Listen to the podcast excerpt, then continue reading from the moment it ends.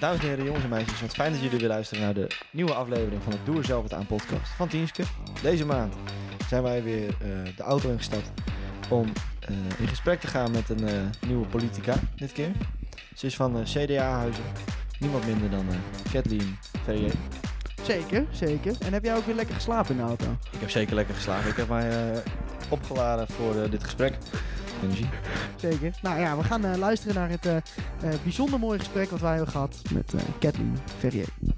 Ja, allereerst voor de luisteraars natuurlijk. wie bent u? En wat doet u en wat heeft u gedaan natuurlijk, vooral in, in deze context?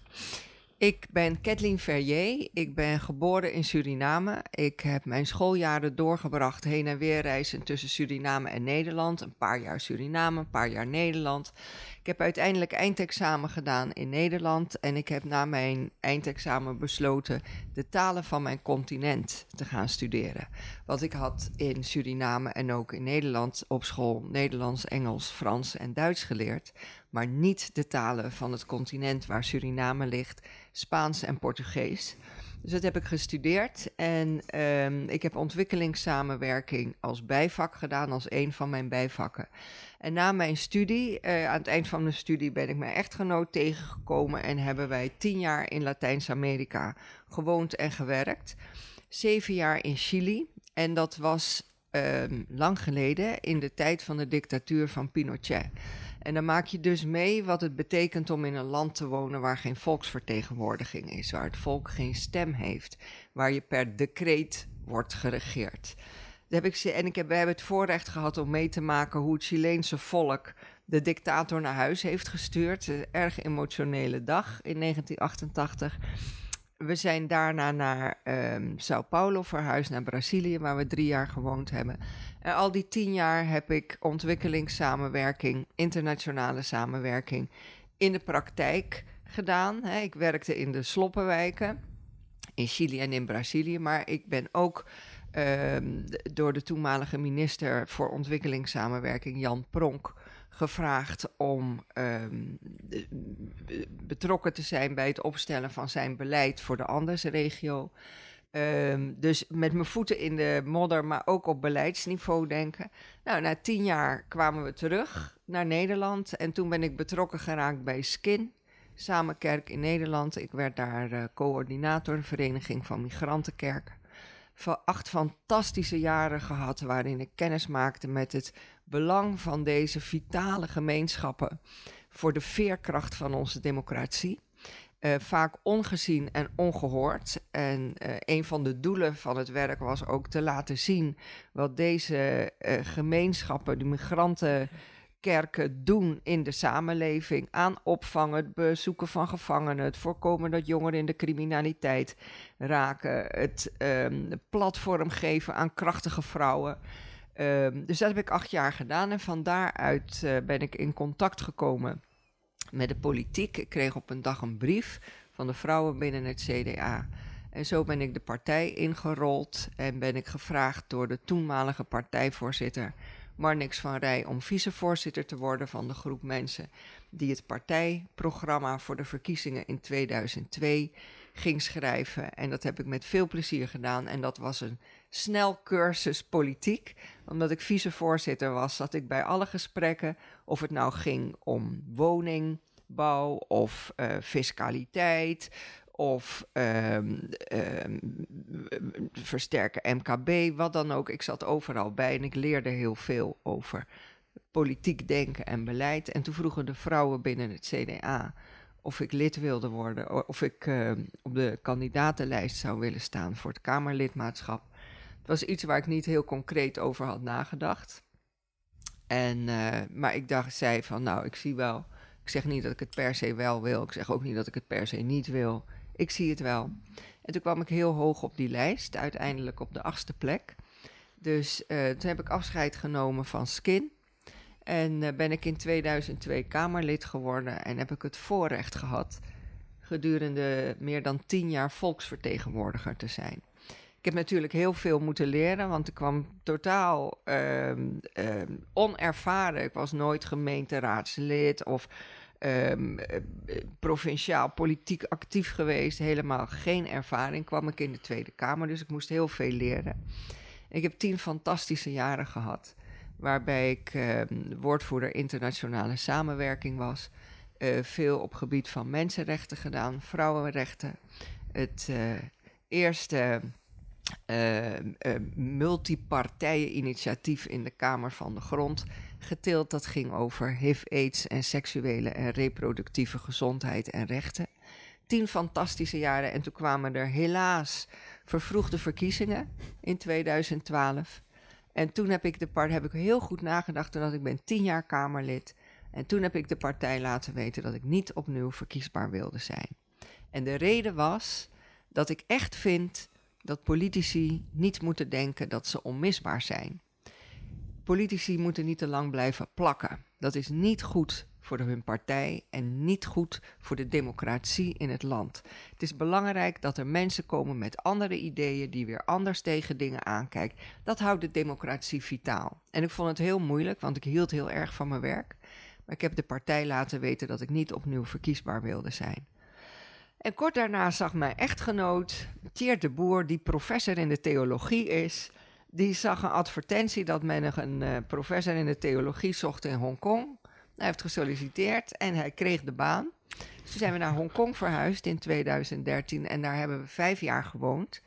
En ook daar weer het voorrecht gehad om vanaf de eerste rang te zien wat het is, wat er gebeurt met dat steeds assertievere China. Hoe dat neerslaat in een democratie, zoals Hongkong toen in die tijd in ieder geval nog was. Maar ook in de regio. Ik ben actief in Bangladesh op de Universiteit van Vrouwen. Ik ben veel in Myanmar geweest om met vrouwelijke politici te werken.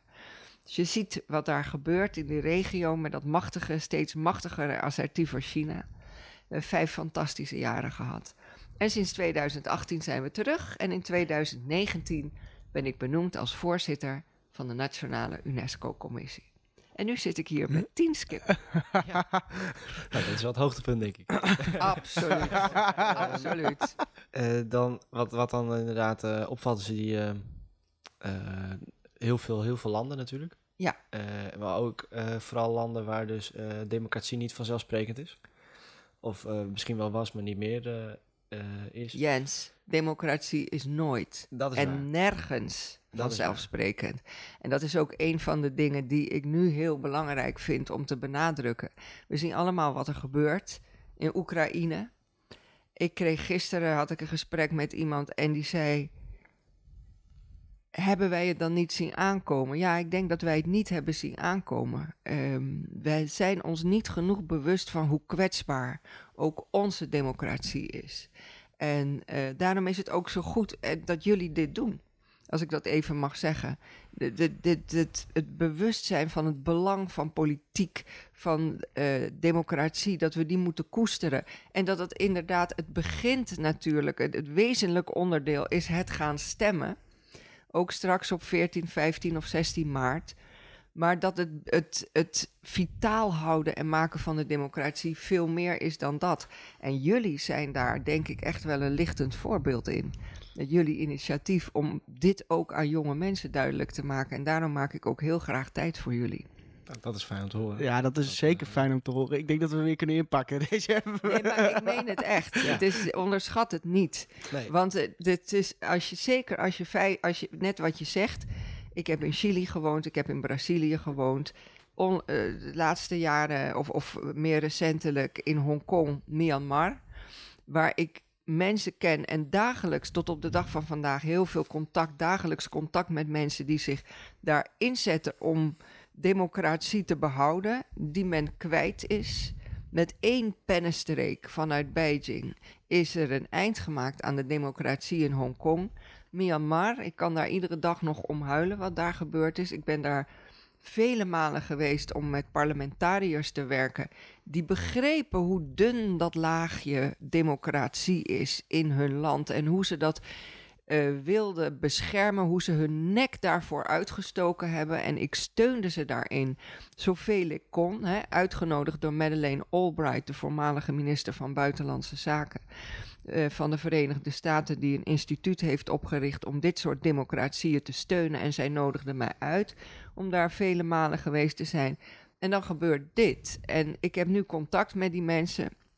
Een aantal van hen zit in de alternatieve regering in Myanmar. En het is zo erg en zo droevig wat er gebeurt. En dan denk je, wij hebben hier die democratie. Het is zo kostbaar. Ja, denkt u niet ook dat het dan, zeg maar, ehm, u heeft natuurlijk heel veel ervaring uh, in landen waar het, het inderdaad, nou ja, laten we het zo zeggen, minder vanzelfsprekend is. Hè? Uh, in, in, Nederland is misschien ook niet vanzelfsprekend, maar het, ik denk dat toch wel dat wij in Nederland, nou ja, misschien een beetje verwend zijn dat de democratie zo goed in elkaar zit. Ja. Het, het, het functioneert, we kunnen stemmen, we kunnen zeggen wat we willen. Ja. Denk je niet ook dat het daar dan dus een Um, nou ja, misschien gewoon een. Dat je, dat je het gewoon voor lief neemt. Het is er gewoon. En Ja. dat, dat, dat je er eigenlijk niet in hoeft te investeren. Dat is het precies. Dat is het precies, Jeppe. Je denkt van, het is een feitelijk gegeven. Het is hetzelfde gegeven dat iedere dag de zon opkomt en de zon ondergaat. Net zo leven wij in een democratie. Maar zo is het niet. Het is niet een natuurwet dat je in een democratie leeft. En die moet je dus koesteren. En hoe koester je die? Hoe bescherm je die? In de eerste plaats door te gaan stemmen. Omdat het wezenlijk verschil maakt wie de bestuurders zijn op lokaal, provinciaal of landelijk niveau. En je hebt daar een stem in. Als je weet hoeveel mensen er zijn die er zoveel voor over hebben om dat recht te hebben, om die keus te kunnen maken, om je te kunnen verdiepen in wat verschillende politieke partijen willen en dat je op grond daarvan kunt zeggen, daar ga ik voor. Uh, en dat je iedere vier jaar de kans krijgt om die keus bij te stellen.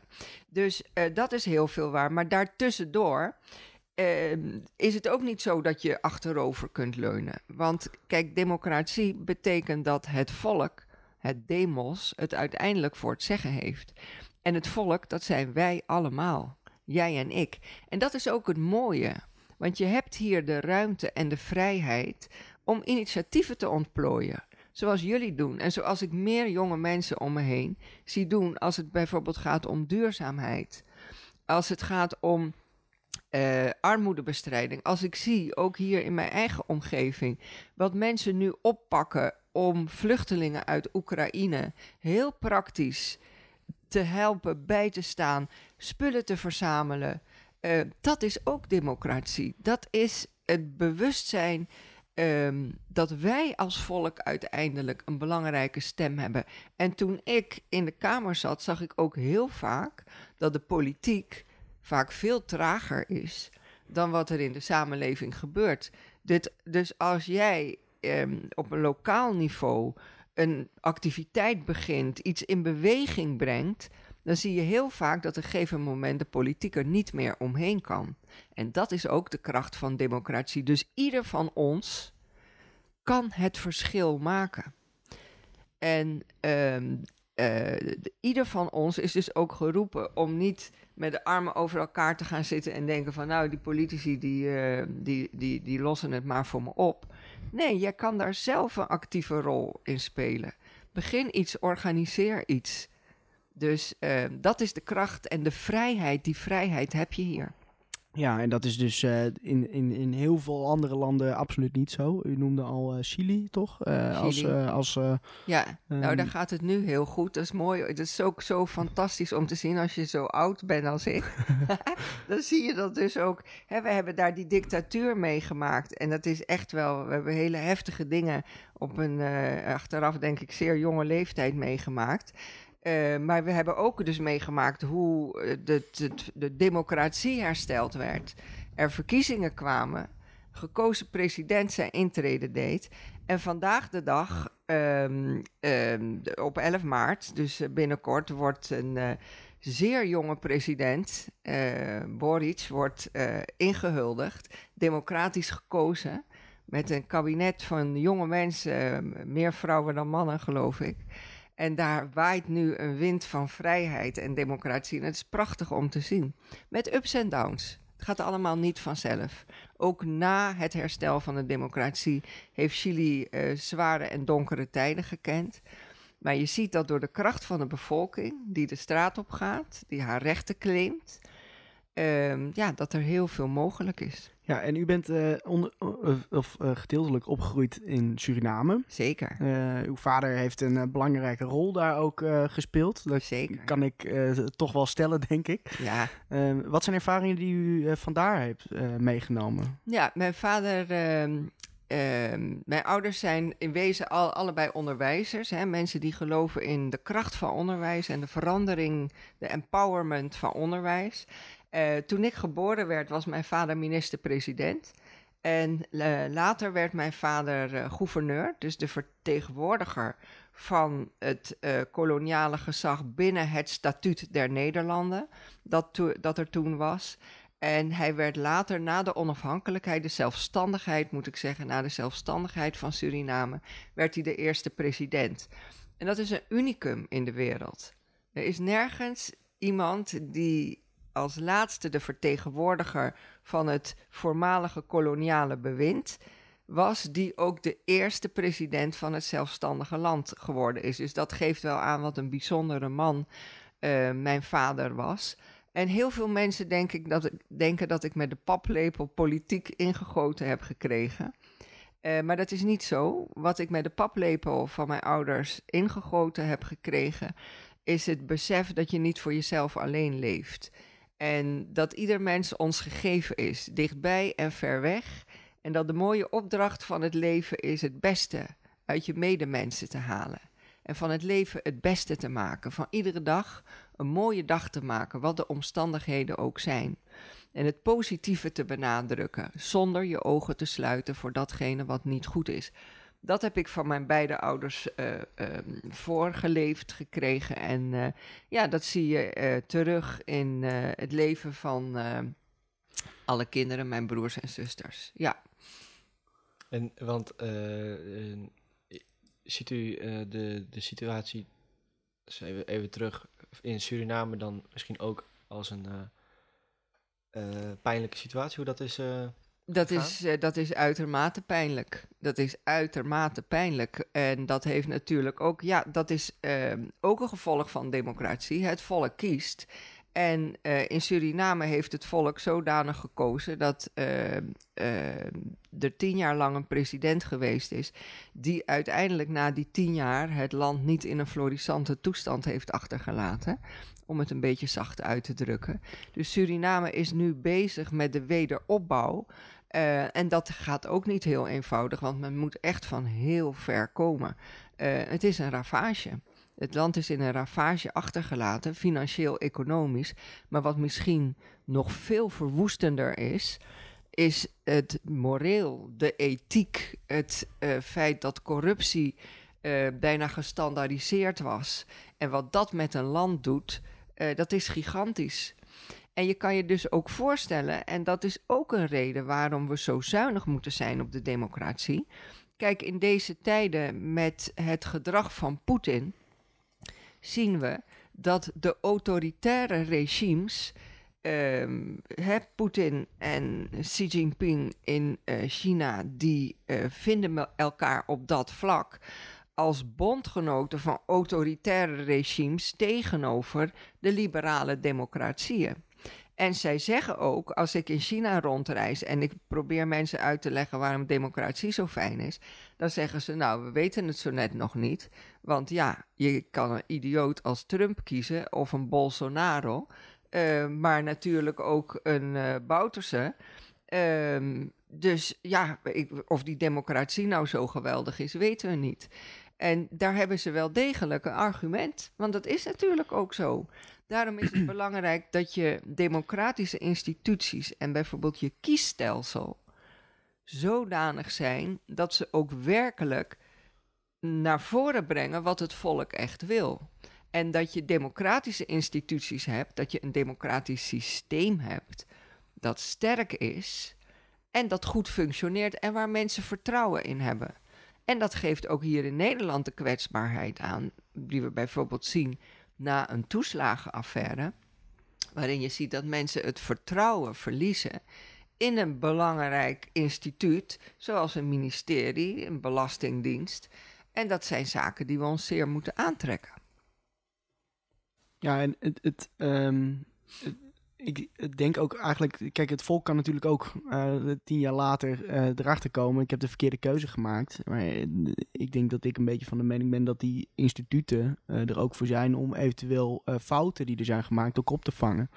Ja. Dat, is, dat is eigenlijk waar die instituten voor bedoeld zijn. Maar is dat uh, dan direct niet ook het uh, problematische? Dat je democratie uh, misschien pas gaat waarderen op het moment dat het er niet is, of als het echt onder druk staat? En is het dan niet eigenlijk al een klein beetje te laat? Dat is precies waar ik steeds voor waarschuw. En dat komt ook mede door wat ik heb meegemaakt toen ik in Hongkong woonde. Dan zie je hoe kwetsbaar democratie is. En inderdaad, en dat zien we nu heel dicht bij huis in de Oekraïne um, hoe makkelijk je het kwijt kunt raken. En um, daarom is het belangrijk dat we die democratie koesteren. Want het is zeker zo dat als je democratie kwijt bent, komt het, komt het, haal je het niet zo gemakkelijk terug. Als je het kwijt bent, dan is het heel moeilijk om het weer terug te krijgen. En dat is precies waar die dappere vrouwen en mannen in Oekraïne nu voor vechten ze willen het niet kwijt, maar ze dreigen het kwijt te raken. Uh, daar, gaat het met gewapend conflict. Maar je kunt democratie ook op een heel andere manier kwijtraken. Veel sluipender. Dat je ziet dat uh, het vertrouwen in instituties kwijtraakt. Dat je ziet dat um, journalistiek Ehm, niet meer gaat om uh, onderzoeksjournalistiek, waardoor mensen beelden krijgen die misschien niet altijd met de werkelijkheid en de feiten overeenkomen. Daarom is het ook belangrijk dat jonge mensen bijvoorbeeld op school al leren hoe je fake news, dus nepnieuws, kunt onderscheiden van echt nieuws. Om democratie sterk te houden, is het ook van belang dat mensen, en zeker jonge mensen die geconfronteerd worden, zoals jullie, met zoveel social media, dat je goed kunt onderscheiden van waar moet ik waarde aan hechten en waar niet. Dat zijn uh, skills die je gewoon moet leren vandaag de dag. En dat zijn allemaal zaken waardoor we onze democratie kunnen beschermen. Want het is echt wat je zegt, uh, Jeppe. Uh, het is misschien wel vijf voor twaalf. als je ook ziet wat voor antidemocratische krachten er in, onze, in ons bestuurlijk en politiek bestel zitten dat het heel belangrijk is om die democratische waarden waar uiteindelijk Europa op gebouwd is, om daar bewust van te zijn en je af te vragen in hoeverre zijn we bereid daar echt voor te vechten? Welke waarden kunnen wij niet opgeven? Is dat ook de reden dat u, en, ik weet even niet meer welk jaar dat was, maar uh, volgens mij bent u toen met een andere partijgenoot de enige geweest die uh, tegen de samenwerking met, met Geert Wilders ja. uh, stemde. heeft ja. het hier ook mee te maken gehad? Dat heeft hier absoluut mee te maken. Dus precies dit.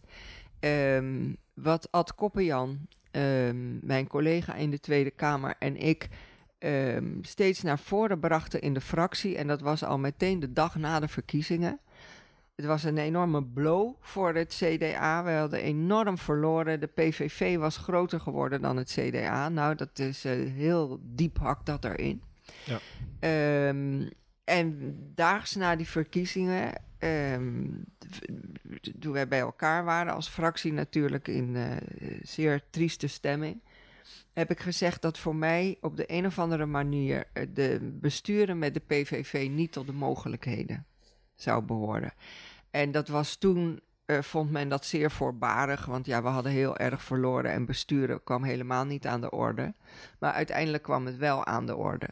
En ik heb steeds betoogd dat het niet zo is dat je de PVV niet serieus moet nemen. En de zaken waar partijen als de PVV op wijzen dat dat onzin zou zijn, dat is helemaal niet het geval. Moet ze zeker serieus nemen. Maar hun oplossingen, hun antwoorden kloppen niet. En wij als christendemocraten hebben precies voor de problemen die ze aanwijzen. Mensen die zich niet meer vertegenwoordigd voelen in de politiek. Mensen die zich niet gehoord en gezien voelen, die zich in de steek gelaten voelen, die het idee hebben dat hun problemen geen rol spelen in Den Haag en Brussel. Precies voor die problemen hebben wij als christendemocraten sluitende, pakkende antwoorden. En het is zaak die antwoorden naar voren te brengen en niet de antwoorden waarvan we weten dat ze niet werken, omdat ze gericht zijn op terug naar vroeger, tegen de Europese Unie, tegen de, de, de euro in die tijd nog, terug naar de gulden, dat soort onzin. Dat kan nooit de oplossing zijn.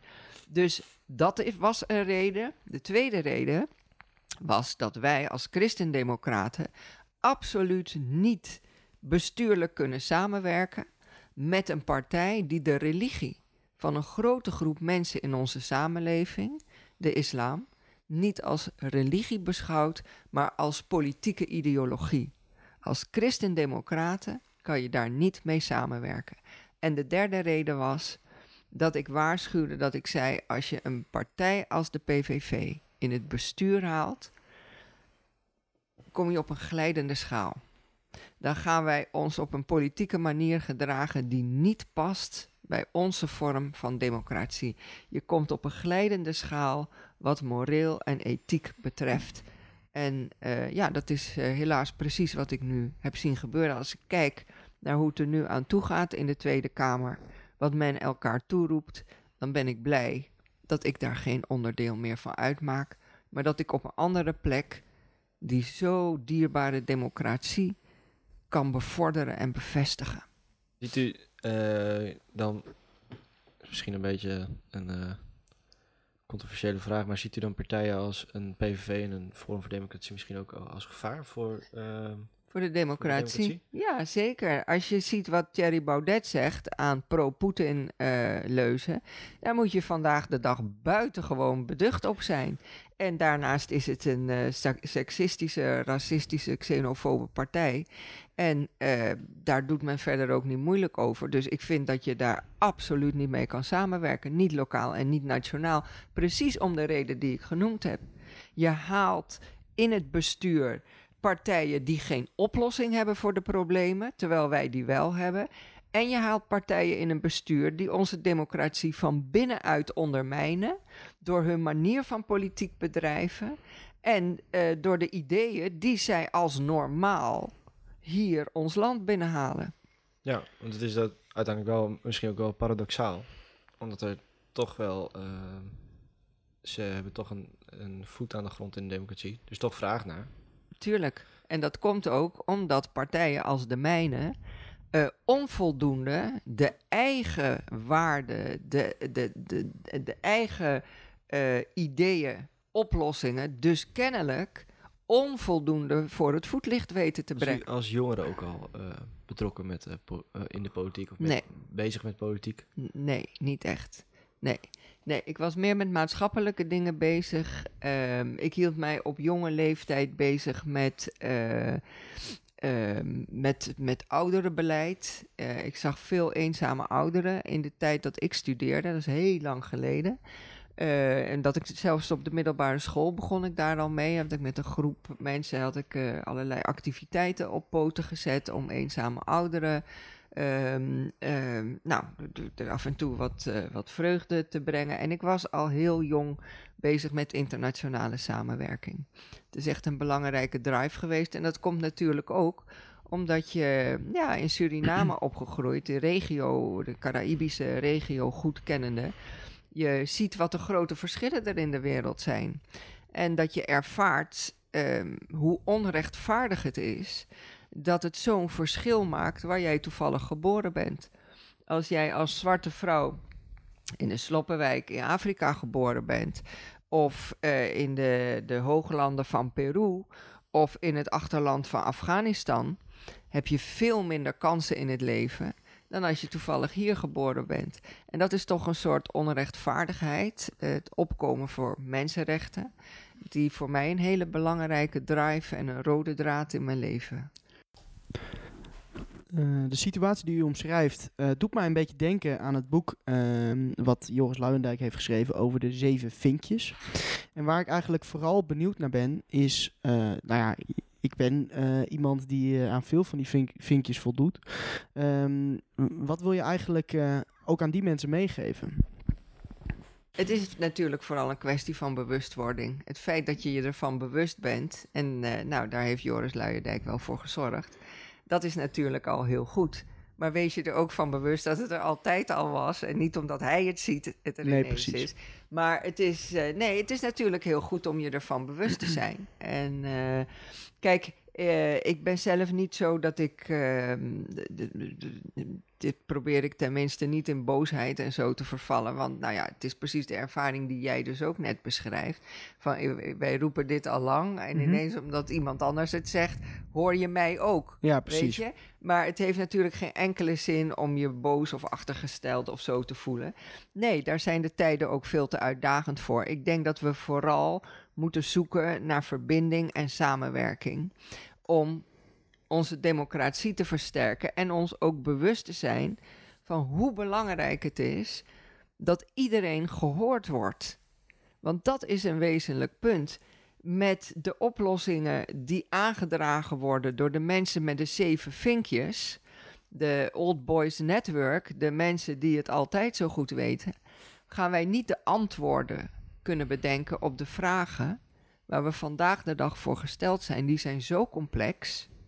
Kijk maar naar die toeslagenaffaire. En zo ingewikkeld. Kijk maar naar het migratiebeleid of klimaatuitdagingen. Daar heb je input van heel veel verschillende perspectieven bij nodig. En ik kijk anders aan tegen dingen dan Jens. En Jens kijkt anders aan tegen dingen dan Jeppe. En je moet dus zoveel mogelijk verschillende perspectieven bij elkaar kunnen brengen om concrete en passende antwoorden te verzinnen. Dus eh, ja, de, dat, is, dat is het grote belang van diversiteit dat ik zie. En eh, ja, er is nog veel werk aan de winkel. Ja, nee, zeker. Absoluut duidelijk. Ehm, we hebben volgens mij al best wel wat eh, nou ja, e- ervaringen of in ieder geval tips aan de volgende generatie. Hè. Waardeer democratie. Dat is denk ik, eh, als ik de rode lijn een beetje eh, mag, eh, mag schetsen. Koester het. Ja, koester het. Ja, dat is het, eh, denk ik, het belangrijkste. Ehm, toch Jens ook? Ja, wat, wat zou je eh, jongeren... eh, ik kan me voorstellen dat je als jongere, als je dit bijvoorbeeld luistert, denkt van... Nou, ik eh, ben me dan misschien nu pas, of was ik al bewust van hoe belangrijk en hoe mooi het is wat we hebben, democratie. Ehm, heel praktisch, eh, wat, wat kan je doen als jongere om, eh, om ja, bij te dragen aan het behoud, misschien zelfs verbetering van democratie? Wat ik heel belangrijk vind is dus koester democratie. En hoe doe je dat? Natuurlijk door te gaan stemmen. Maar wat ik zou willen zeggen, een oproep doen, word actief. Ehm, van mij hoeft dat helemaal niet in een politieke partij, maar word actief in je omgeving. Zie wat er gebeurt. Sluit je aan bij vrijwilligerswerk. Bedenk, ga bij jezelf te raden van wat is mijn passie? Wil ik me inzetten voor duurzaamheid, voor een schone omgeving, voor armoedebestrijding, voor ouderen, voor kinderen? Wat kan ik doen? Is er vrijwilligerswerk? Misschien iets gericht op eh, landen ver weg, waar ik passie voor voel. Wat kan ik doen? En ik kan me heel goed voorstellen dat in deze tijden met social media, deprimerende ontwikkelingen, eh, de COVID, wat een enorme eh, impact heeft gehad natuurlijk op jongeren, komen we er een beetje uit. Eh, begint er een oorlog in Oekraïne. Ik kan me best voorstellen dat je de neiging hebt om achterover te leunen en te denken van, nou mensen, het zal allemaal wel, maar ik zou je toch op willen roepen. Zoek in jezelf wat je passie is en kijk hoe je die zichtbaar kunt maken in je eigen directe omgeving.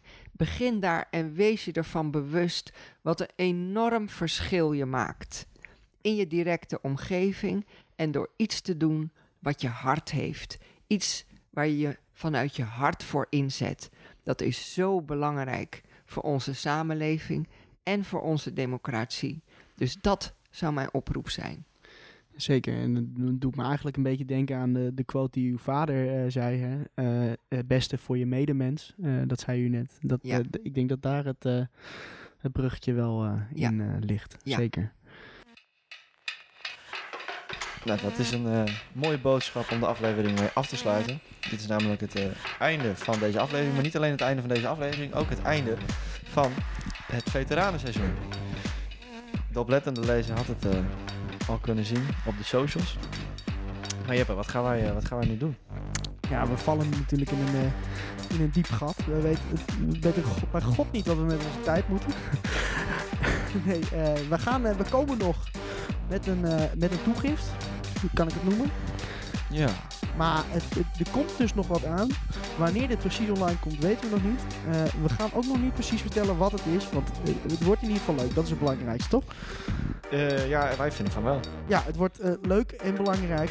En, eh, dus hou het in ieder geval in de gaten. En dan wil ik je voor deze maand bedanken voor het luisteren weer. Laat ook even een reviewtje achter. Zouden we heel blij mee zijn. Ja, reviewtje, altijd leuk. Geef ons 5 sterren op Spotify. Kijk, als je 4 sterren geeft, hoeft het niet. Dan vind ik het niet interessant genoeg. Alleen 5 sterren, vijf sterren is. objectief. En ehm, natuurlijk, volg ons ook nog even op de socials. Twitter, Instagram, Facebook, Facebook. mag allemaal. Je kent ze wel. Nou, goed. Dank jullie wel en eh, tot de volgende keer.